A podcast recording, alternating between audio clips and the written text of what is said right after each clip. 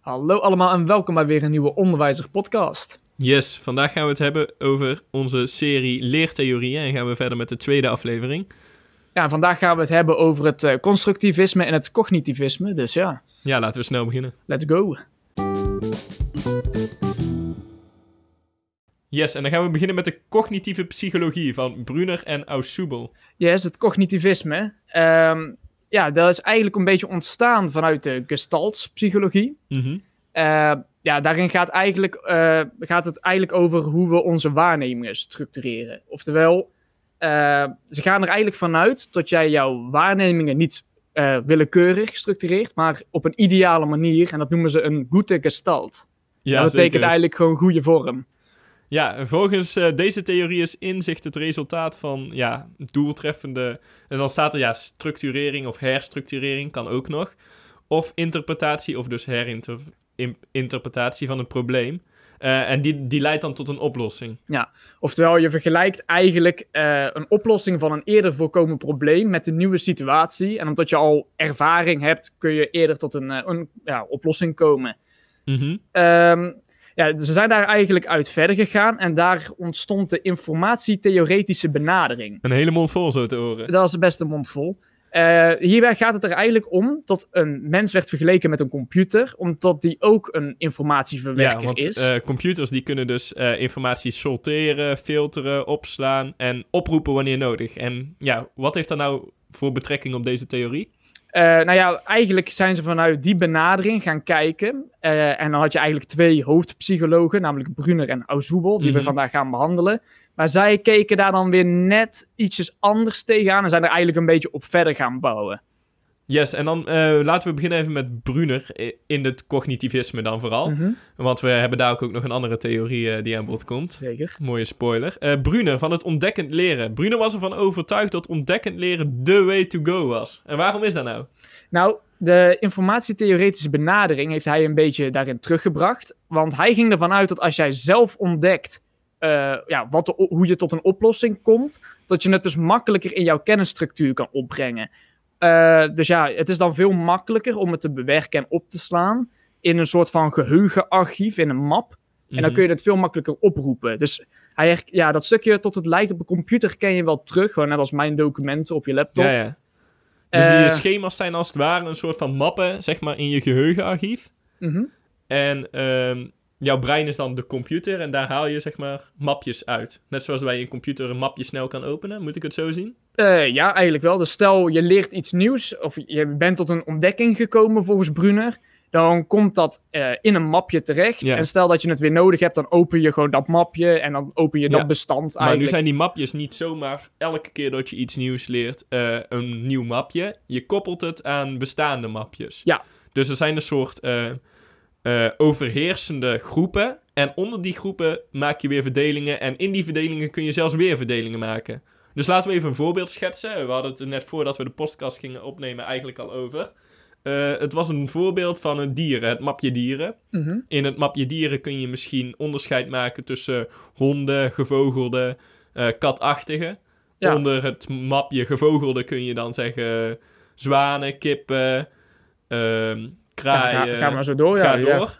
En zelfs daarin kun je nog onderscheid maken. Bijvoorbeeld bij honden kun je rassen doen.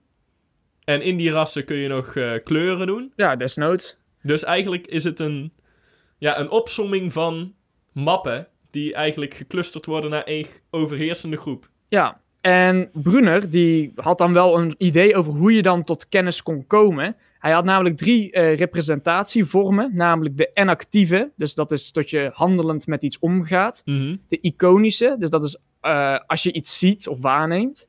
Of de symbolische eh, representatie dan. En de symbolische die is wat lastiger, want dat is zeg maar abstract denken, dus de moeilijkere begrippen. Bijvoorbeeld wiskunde, dat is wat complexer. Dat is, je ziet het wel, maar je neemt niet per se waar wat het doet.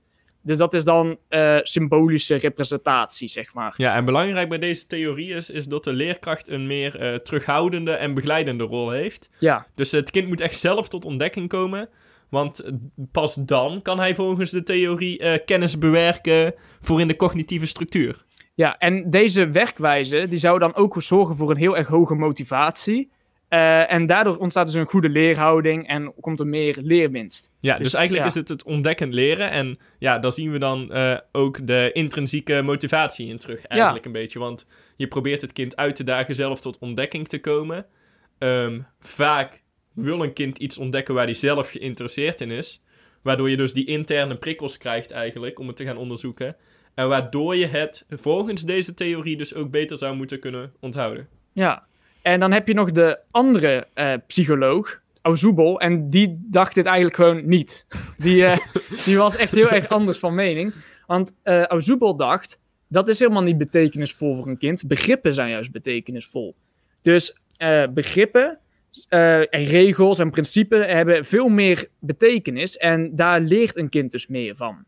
Hij eh, bedacht een assimilatietheorie. Die is eigenlijk best wel ingewikkeld, maar het komt er eigenlijk op neer Ja. dat nieuwe kennis altijd gekoppeld moet worden aan oude kennis. Ja, want dus anders kan het niet worden iets opgeslagen. nieuws ehm, kan pas worden opgeslagen als je het kan koppelen aan iets bestaand. En dan Ja. zien we daar toch wel een beetje die mappenstructuur in terug. Maar toch denkt hij wel anders. En daar gaan we nou naar kijken. Ja, want hij dacht namelijk dat het niet echt in een map moest komen, maar in een schema. Dus Ja. de cognitieve structuur was volgens Ausubel een soort van schema-structuur. Waarin eh, je ankerbegrippen hebt. Dus dat is zeg maar het hoofdbegrip. Dus stel we gaan weer terug naar de dieren. Je hebt bijvoorbeeld hond. Dan is bijvoorbeeld het ankerbegrip hond. En de begrippen die eronder vallen zijn bijvoorbeeld Labrador, Dalmatiër, Ga maar Eh, door. Ja, en zo kun je zeg maar heel wat honden opnoemen tot je zeg maar een structuur hebt. Ehm, die schema's kunnen nevenschikkend zijn, dus naast elkaar, Naast elkaar. bovenschikkend. Dus dat betekent dat je al heel veel voorbeelden hebt. Dus stel je weet al wel wat een Labrador is en je weet al wel wat een Dalmatiër is, maar je weet nog niet wat een hond is. Dan leer je zeg maar het woord hond en dat komt dan als ankerbegrip erboven. En je hebt dan eh, ja, ook gewoon nog onderschikkend. Dus dat is eigenlijk het voorbeeld wat we in eerste instantie schetsten. Eh, er zijn wel combinaties mogelijk. Dus je kan best wel complexe eh, schema's krijgen. Want je kan bijvoorbeeld dus dieren en dan heb, je- splitst die weer op in honden, gevogelte eh, en zo door. En die splitsen er ook weer op. En zo krijg je zeg maar best wel een, eh, een druk schema. Maar ja, daarin staat dus wel de kennis die jij hebt. Yes. En op deze theorie maakt hij twee hoofdvormen, als het ware. Ja. Ehm, ja, die vormen zijn ontvangend leren. En dat is waarbij de leerkracht de nieuwe kennis ehm, ja, in een soort kant-en-klare vorm aanbiedt. Zodat de kinderen het kunnen ontvangen. Maar had ook nog een andere eh, hoofdvorm bedacht. En dat was het betekenisvol leren. Eh, dit is meer waarbij de kennis betekenisvol wordt gemaakt door het verbinden met nieuwe kennis. Ja, eigenlijk wat jij net hebt uitgelegd. Dus ehm, als je dan naar het cognitivisme gaat kijken van Ausubel, heeft hij daar in twee hoofdvormen ontvangend leren en betekenisvol leren. Ja, en verder is er, zijn er dan ook nog twee mogelijkheden op de manier waarop je dus informatie kan opslaan eh, in, het, ja, in de cognitieve structuur. Het kan namelijk bijvoorbeeld door assimilatie. Dat wil zeggen dat je eh, de informatie die je binnenkrijgt zo aanpast dat die past in jouw hersenstructuur. Ja. En accommodatie. En dat wil eigenlijk zeggen dat je jouw hersenstructuur zo aanpast tot er een plekje komt voor de informatie. Dus ofwel je past de informatie aan, dat noemen ze assimilatie. Ofwel je past zeg maar de volledige structuur aan en je maakt een plekje vrij. En dat noemen ze accommodatie.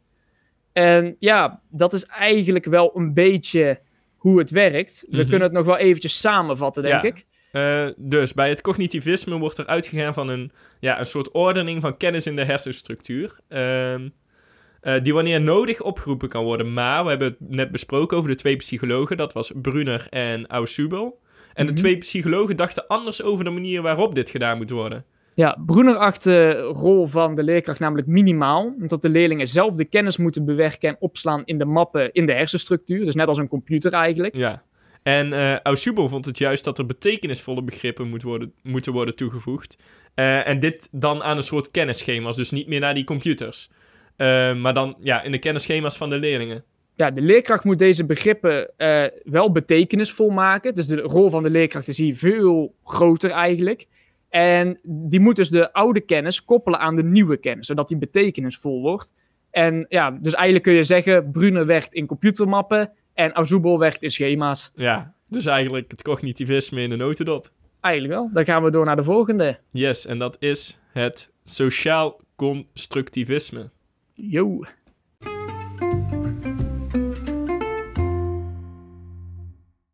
En dan zijn we dus aangekomen bij het constructivisme, ofwel het sociaal constructivisme. En dat is eigenlijk wel een hele brede. Eh, maar ja. ja, wij gaan hem een beetje ja, kort door de bocht pakken. in een notendop weer. Ja, er zijn wel heel veel mogelijkheden binnen het constructivisme. Zeker. Maar wat bij het constructivisme sowieso opvalt, is dat er meer aandacht kwam voor het leren in de schoolse realiteit. Dus eh, er werd eigenlijk meer aandacht aan de lerende zelf en aan het sociale en emotionele aspect. Subjectieve werkelijkheid. En... Ja, en eh, dan komen we meteen op een stukje tot het sociaal constructivisme ervan uitgaat dat kennis subjectief is. Ja, en wat betekent nou eigenlijk, eh, wat betekent het nou wanneer kennis subjectief is? Ja. Wa- was daar nou echt een goed voorbeeld van? Nou ja, het gaat er dus eigenlijk vanuit. Dus stel dat je bijvoorbeeld eh, ja, denkt aan een hond, dan is jouw beeld van een hond anders dan het beeld van bijvoorbeeld jouw ja, gesprekspartner. Ja, Ehm, kun je dan over hetzelfde nadenken? Want iedereen denkt iets anders. Ja, dat kan. Bijvoorbeeld, eh, ik zeg, we gaan het hebben over een labrador. Dan denk je toch aan een labrador. Dat noem je intersubjectieve kennis. Dus je gaat allebei ga je denken over die labrador. Maar wat jij denkt over die labrador is anders dan wat de andere misschien denkt. heb jij wel een ervaring van een labrador eh, waar die jou gebeten heeft. En dan heb ik thuis een labrador die eh, elke avond met mij op de bank eh, samen Netflix zit te kijken. Ja, het kan zomaar zijn. Dus je beeld is echt heel anders. Verder kun je Mhm. ook bijvoorbeeld denken van, nou, mijn beeld is een, ehm, een bruine labrador. En eh, Bij mij is toevallig wit. ja, alles kan. En eh, ja, dus dat subjectieve kennis, eh, ja, die, daar ga je zeg maar mee in gesprek over jouw subjectieve kennis. En zo kom je eigenlijk tot eh, andere inzichten. Het maakt kennis eigenlijk tot sociale kennis. Ja, want je komt, ja, omdat je met elkaar in gesprek gaat, eh, kom je zeg maar tot eh, ja, bepaalde inzichten die je anders nooit zou zien. Ja, dus eigenlijk is sociale interactie bij het ehm, sociaal constructivisme heel erg belangrijk. Het, Ja. ehm, het talige interactie met elkaar, praten eh, en meemaken. Ja, natuurlijk. en ook peer tutoring, dus echt zeg maar Ja, van elkaar leren, echt, dat eh, is echt een heel belangrijk stukje. Want ja, inzichten, oplossingen die je anders nooit zou zien, die krijg je dan ineens zeg maar voorgeschoteld. En samenwerkend leren is dus ook eigenlijk ja, een van de belangrijkste ja, stukken van Ja, constructivisme. en dan kun je denken, wat, wat ehm, voor rol hebben leraren nou in het sociaal constructivisme? Nou, leraren, of leerkrachten in dit geval, eh, begeleiden en stimuleren het proces. En ehm, ja, ze sporen eigenlijk misconstructies op door interactie en onderlinge samenwerking. Maar wat wordt nou bedoeld met misconstructies? Nou ja, ehm, stel je nou voor dat ik denk, eh, eh, je, het gaat er sowieso om, misschien eerst belangrijk om te zeggen, dat je bij constructivisme dus pas van informatie kennis maakt als jij het zelf betekenis geeft. Zeker. Maar stel eh, je wil de formule van zwaartekracht leren, een voorbeeld dat ik net overigens ook voor DJ gebruikte om een beetje mijn standpunt toe te lichten, is dat eh, als je zegt van nou dit is de formule voor zwaartekracht en jij slaat het op als de formule voor evenwicht, dan heb jij dus een misconcept. Ja, en dat is dus nog steeds, zijn die leerkrachten dan dus nog van belang om zoiets op te sporen en het ehm, te corrigeren in, in dit geval. Ja, gewoon bij te sturen. Verder moet de leerkracht ook zorgen tot de, ja, de omgeving waarin de lerende zich bevindt, dat die echt betekenisvol is. Dus Mhm. ja, eh, of bijvoorbeeld ook eh, wordt gecoacht. Ja, dus de omgeving, eh, de leerkracht zorgt wel dat de omgeving eigenlijk betekenis heeft, maar die betekenis eraan verlenen gebeurt door de kinderen zelf. Ja, dus het sluit wel aan bij wat de kinderen bezighoudt. Maar eh, ja, de kinderen gaan dan zelf daar een eigen betekenis nog aan geven. En verder is een, een leerkracht wordt ook echt wel gezien als een, als een mentor eigenlijk en als een coach. Omdat je ja, dus de leerling niet per se zegt van dit moet het zijn en dit is voor jou de betekenis. Maar hij stuurt jou wel in het vinden van de betekenis. En ook hier komt eh, assimilatie en accommodatie echt weer naar Daar voren. komen ze weer. Eh, ja, dus eigenlijk, ja, de informatie moet dus ook weer in de cognitieve structuur komen. En dat gebeurt dus weer zo. Ja, en dan hebben we nog eh, een andere meneer of mevrouw, ik weet het zelf niet. Piaget, hoe spreek ik het uit? Eh, Piaget, Pia, Piaget, denk ik. Piaget, Pia... Ik durf het niet te zeggen. Maar in ieder geval, die had ook nog een standpunt. Want ehm, volgens hem streven mensen naar evenwicht met hun omgeving. Ja, Dus ehm, waar kun je dan aan bedenken? Dus eh, voor cognitief evenwicht cons- construeren we kennis door assimilatie, zoals jij net al zei. En dat is dus het aanpassen van informatie aan de cognitieve structuur.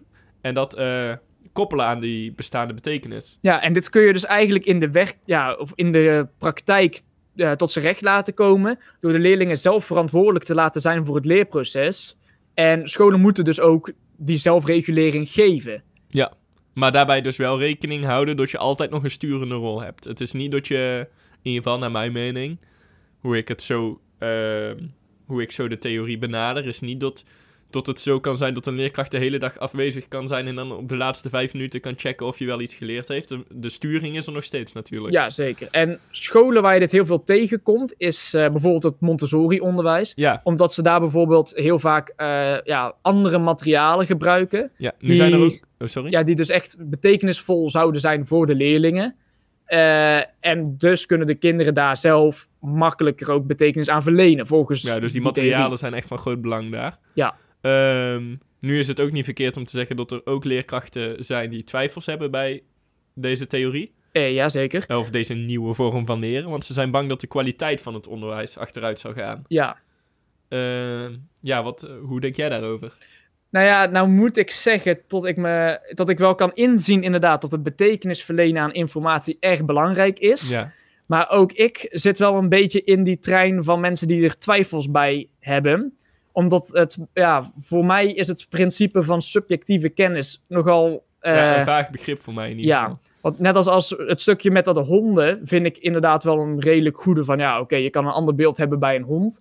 Maar bij bijvoorbeeld een zeer concrete formule, Ja, gewoon 1 plus Ja. 1 is 2. Eh, ja, ik weet niet hoe jij dat anders kan zien dan ik, maar... ja, in principe is dat voor mij nog steeds 1 plus 1 is 2. Dus ofwel, ik neem hem misschien te letterlijk, dat zou ook kunnen, maar ik heb er zo mijn twijfels Ja, bij. eh, nu is het natuurlijk ook... We hebben allebei wel enige ervaring met het Montessori-onderwijs. Mhm. Eh, maar misschien is het ook gewoon een keer dat we het mee moeten maken... en dat we dan onze gedachten daarover kunnen veranderen.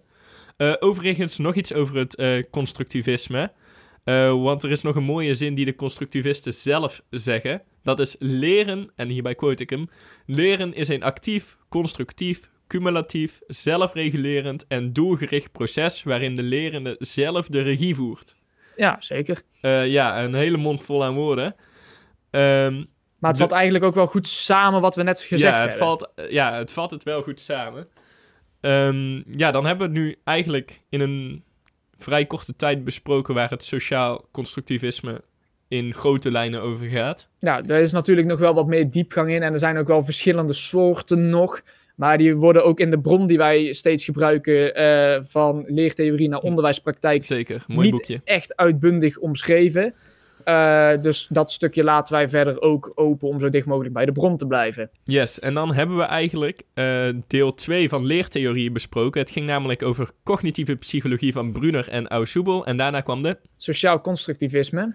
Ja, en ehm, ja, daar heb je dus eh, verschillende constructivisten, als ik het zo goed mag zeggen. Juist. Ehm, zo hebben we het in ieder geval ehm, besproken. En dan denk ik dat het tijd is voor een stagepraat, want daar wordt er maar één, of niet? Dat denk ik wel.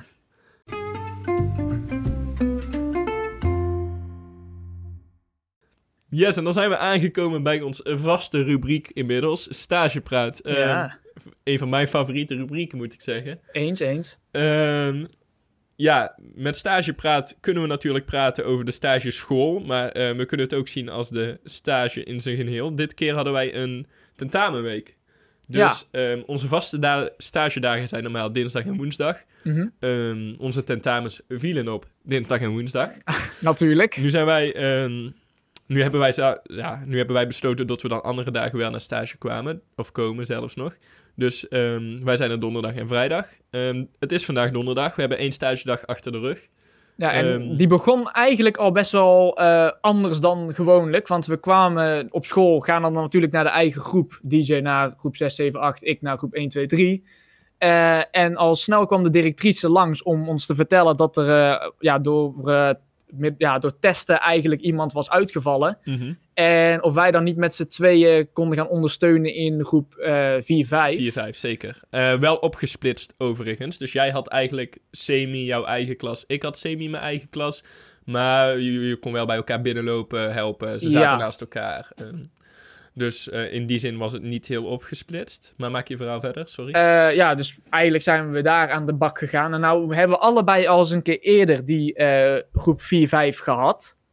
maar dan los. Ja, maar dan Dus, ook inderdaad op een heel andere wijze. Ehm, Ehm, ja. het was nu wel een iets andere ervaring voor ons beiden, denk ik. Ja, zo kun je het wel zeggen. Ehm, ja, ik vond het ook anders gaan dan normaal. Ik weet niet of de opening van de basisscholen een rol speelt in de, in de ja, kun je druk te noemen, in de activiteit die ze hadden. Ehm, maar ze hadden er zin in vandaag. En dan bedoel Ja. ik niet op onderwijsgebied. Nee, ehm, ik moet zeggen tot ik vandaag een redelijk lastige dag heb gehad. En dat komt wel door meerdere dingetjes. Maar ik heb af en toe wel een keer gehad dat ik denk van poef. Wat Ja. een drukte. Inderdaad. En dan heb je er ook nog bij die, ehm, ja, kunnen we dat zeggen? Die een redelijk grote mond hebben gehad af en toe. Zeker. Ehm, daar hebben wij allebei wel onze eigen mening over. Dat verder te buiten, ja, het kan gewoon niet op het onderwijs een grote mond.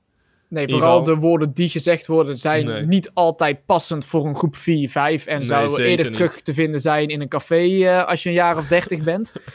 Ja, Eh. zo, zo benoem je het wel heel specifiek, maar wel, eh, ja, het is, zo is het nou eenmaal. Dus zo ging het, ja, daar kan je niet over liegen. Ehm, en we hebben ook wat andere dingen meegemaakt met speelgoed. En daar word ik me toch gek van. Speelgoed in de basisscholen. En dat heb ik ook vorig jaar al meegemaakt. Wellicht dat je het gewoon nu alvast wil toelichten. Ehm, nou ja, ruzie over speelgoed. Hè. Altijd komt er ruzie als er speelgoed is. En dan gaat van Pokémon kaarten tot knikkers tot, eh, hoe heten die dingen?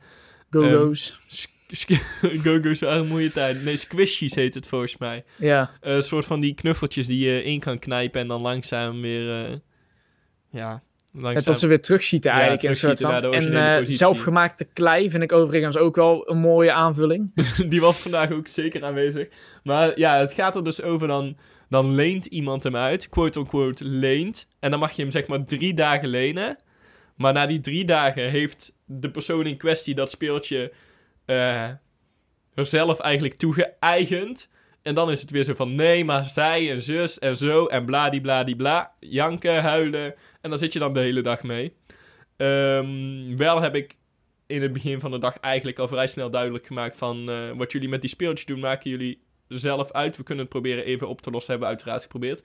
Maar ik wil nou dat het onderwijstijd is, dus dat we aan de slag gaan en dan kunnen we na school verder kijken.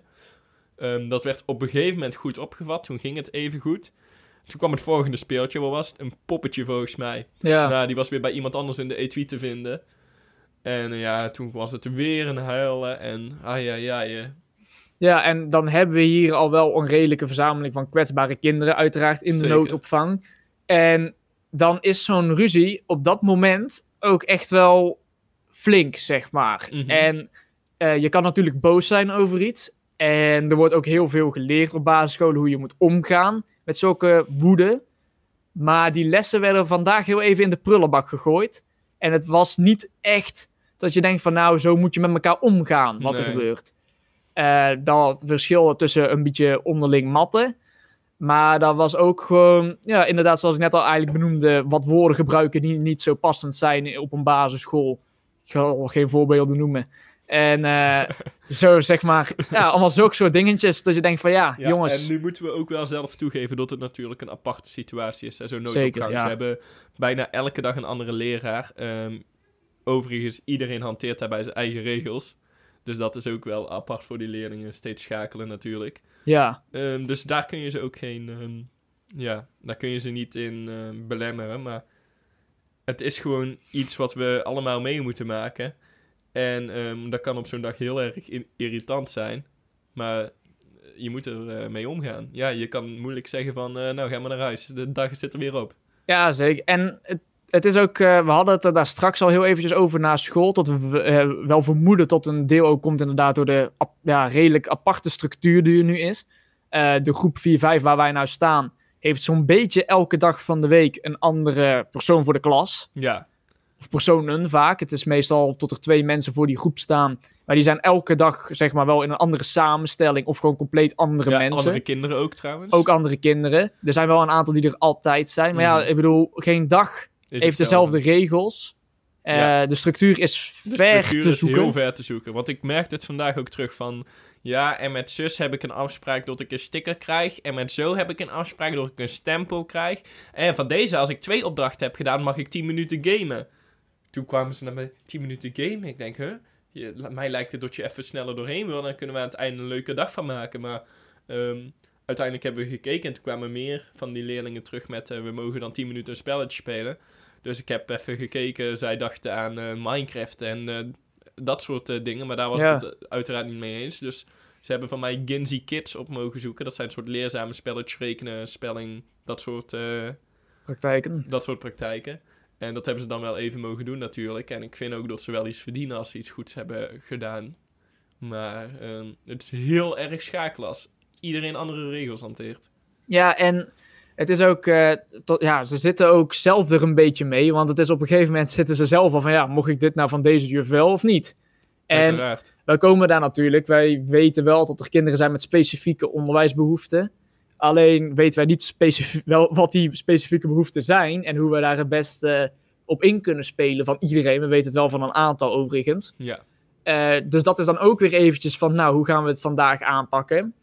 En ja, Ja, Ja, dat is dat is- natuurlijk wel wat je ook zegt van eh, de, dat je te weten krijgt wat de specifieke onderwijsbehoeften van bepaalde leerlingen zijn. Dat is natuurlijk wel een redelijk pluspunt aan zo'n situatie. Want ik bedoel, je moet er ook het leerzame van inzien. Je leert echt veel leerlingen over schoolbreedte kennen. Dus Ja. ik ken nou leerlingen in de...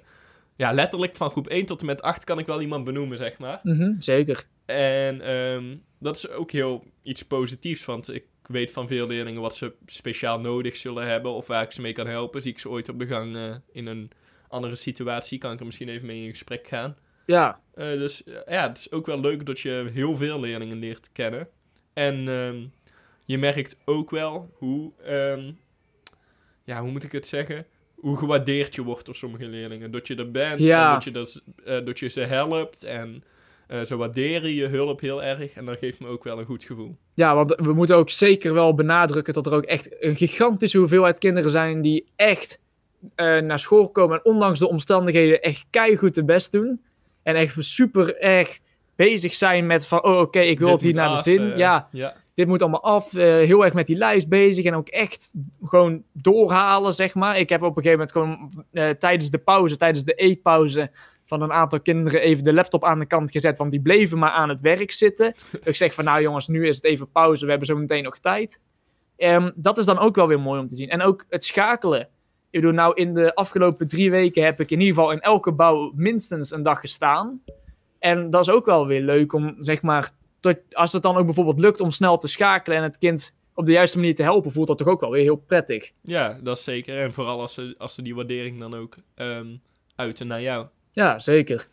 Dus al met al, ehm, ja, het was een leerzame dag, kan ik zeggen eigenlijk. Ik heb er veel van geleerd, maar ehm, ik zou hem niet in deze zin nog een keer mee willen maken. Nee, ik zou dan ook zeker heel veel dingen op een andere manier aanpakken. Want Ja. ondanks dat er wel het een en het ander heel veel erg goed ging, ging er ook echt wel mis. Ja. En ook wel dingen dat je denkt van ja, oké. Ja, ik zou ze ook. ehm, ehm, nu hadden we daar korte tijd voor omdat we buiten zijn geweest, moet ik eerlijk zeggen. Maar Mhm.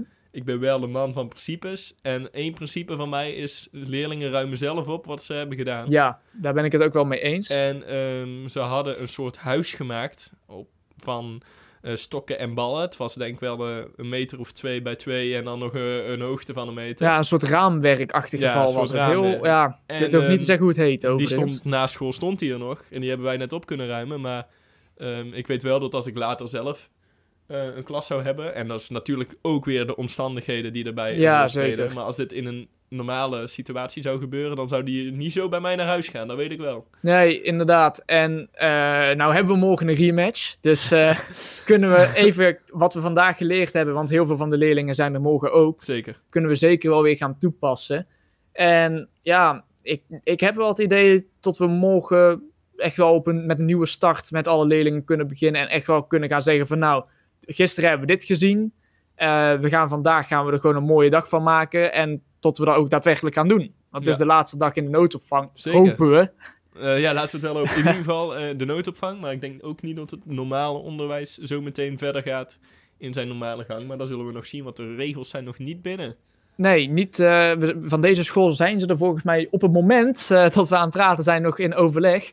En we vermoeden dat er inderdaad wel ook sowieso de eerste paar weken heel erg ja, een soort van Gouden Weken 2 wordt. Ja, vooral eh, de Gouden Weken trouwens. Een hele mooie aflevering. Als je hem nog wil beluisteren, hij staat op de Onderwijzer Podcast te vinden op Spotify, Anchor, Google Podcast, ehm, Apple Podcast. Overal te beluisteren. Echt een leerzame aflevering.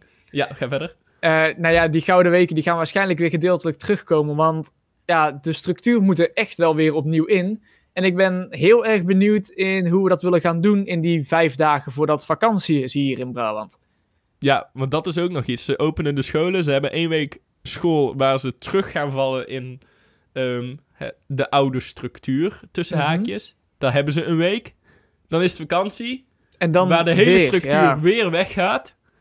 En dan gaan we weer terug het onderwijs in. Dus ehm, ik, het gaat mij nog benieuwen hoe dit gaat lopen. Ik denk niet dat wij in een week het zodanig terug kunnen brengen dat ze na die vakantie het gelijk weer hebben, denk ik. Ik denk dat we na de vakantie nog wel een aantal weken nodig hebben, inderdaad. Want ja, je weet natuurlijk niet precies wat er allemaal thuis gebeurt. Nee, Eh, laten we niet. hopen Daar dat het daar allemaal. gepraat Ja, we hopen natuurlijk dat daar alles gewoon prima is verlopen. Maar ja, de eerdere lockdown heeft ons wel geleerd dat dat niet altijd het geval is. Dan wil ik niet specifiek zijn over dat dat op deze school is, maar gewoon ja, over ja, alle ja. scholen breed, meer eerder. Ehm, dat wordt natuurlijk ook nog wel een dingetje. Want stel dat je erachter komt dat er iets niet helemaal kloppend is in de klas, of bij een kind thuis, Ja. dan zal dat ook alweer de nodige eh, ja, tijd kosten, zou ik wel willen zeggen. Maar dan zitten er ook nog een heleboel eh, regels aan wanneer we volgende week open gaan. Mhm. Ehm, zo had ik gelezen over eh, ja, maskers die Al dan wel sterk niet. wo- geworden geadviseerd. Ja, in de oftewel, ehm, ja, eigenlijk dringend advies ofwel gewoon aandoen voor de leerlingen van groep 7 en 8.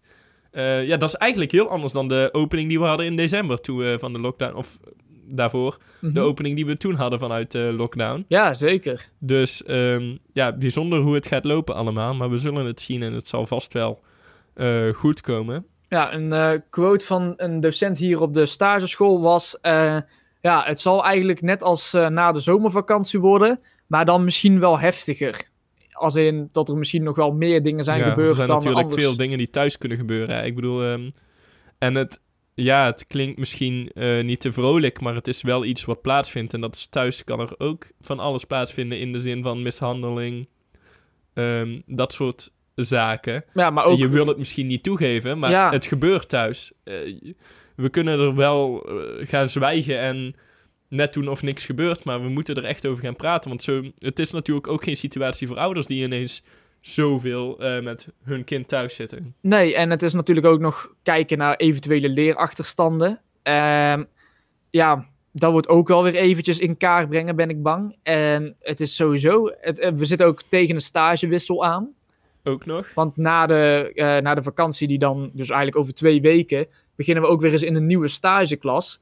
Dus dan is het stukje structuur van wie is nou jouw docent, is ook weer weg. Want dan komt er ineens weer een nieuwe bij. Eh, dus ik ben ook benieuwd hoe ze dat eigenlijk een beetje willen gaan aanpakken. Ja, en ik had nog wel een heel goed initiatief gelezen. Ik weet niet welke scholen er precies aan meedoen, maar ik heb een paar scholen gelezen die eraan meedoen.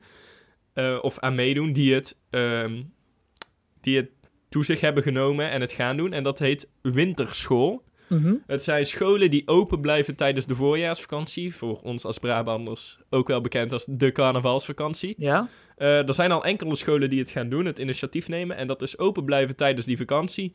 En leerlingen met een leerachterstand, willen ze niet zeggen, maar leerlingen die het misschien kunnen gebruiken om wat extra bij te leren, Mhm. die kunnen gewoon elke dag komen om eh, specifiek gericht op eh, bepaalde vakken te gaan letten. En dus taalachterstand misschien verbeteren, rekenachterstand bijwerken. En dan, ja, het klinkt misschien raar, het is vakantie, maar je hoeft er ook niet de hele dag te zijn. Ik vind het echt een mooi initiatief. En ehm, ja, misschien dat er veel leerlingen iets aan zullen hebben, hoop een ik. beetje ook in FAVO-structuur, of niet?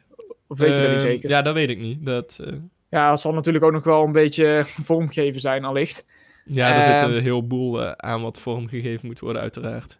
Ja, ja, ik ben heel erg benieuwd naar hoe het gaat lopen. Het is natuurlijk voor iedereen nieuw. Ook voor de docenten die al jaren voor de klas staan, zal dit echt wel een aparte situatie worden. Dus ja, ik ben heel, ook heel erg benieuwd wat voor rol wij erin kunnen spelen. Ik hoop natuurlijk wel een best flinke. ja, ik hoop ook dat ze binnenkort eh, de HBO's weer open gaan gooien. Want eh, Zou ook veel schelen. thuis zitten wordt me ook... eh, ja, voor onze eigen lessen dan. Nu zijn wij natuurlijk eh, hartstikke blij dat we nog stage mogen hebben. Maar ehm, ja, je merkt toch wel verschil voor jezelf ook in het leren met thuisonderwijs of met onderwijs op eh, locatie. Nou, eventuele leerachterstanden die daarin kunnen ontstaan. Want dat is ook ja, natuurlijk eh, nog een ja, ding. studievertraging gewoon, hè? Ja, Eh, het zal mij allemaal gaan benieuwen. We zullen het zien. Ehm, ik denk dat we zoveel besproken hebben over de stage. En natuurlijk onze mooie theorie die eh, voorafgaand was. Zeker. Die overigens, nogmaals, was ingestuurd door een, eh, een luisteraar. Dus eh, stel je voor dat je nou ook een onderwerp hebt wat, wat je graag wil horen. Dan kun je dat zeker doorgeven via onze socials. Zeker. Twitter en Instagram natuurlijk op Onderwijzer Podcast. En ja, dan rest ons eigenlijk alleen maar een, een afsluiting. Houdoe. Yes.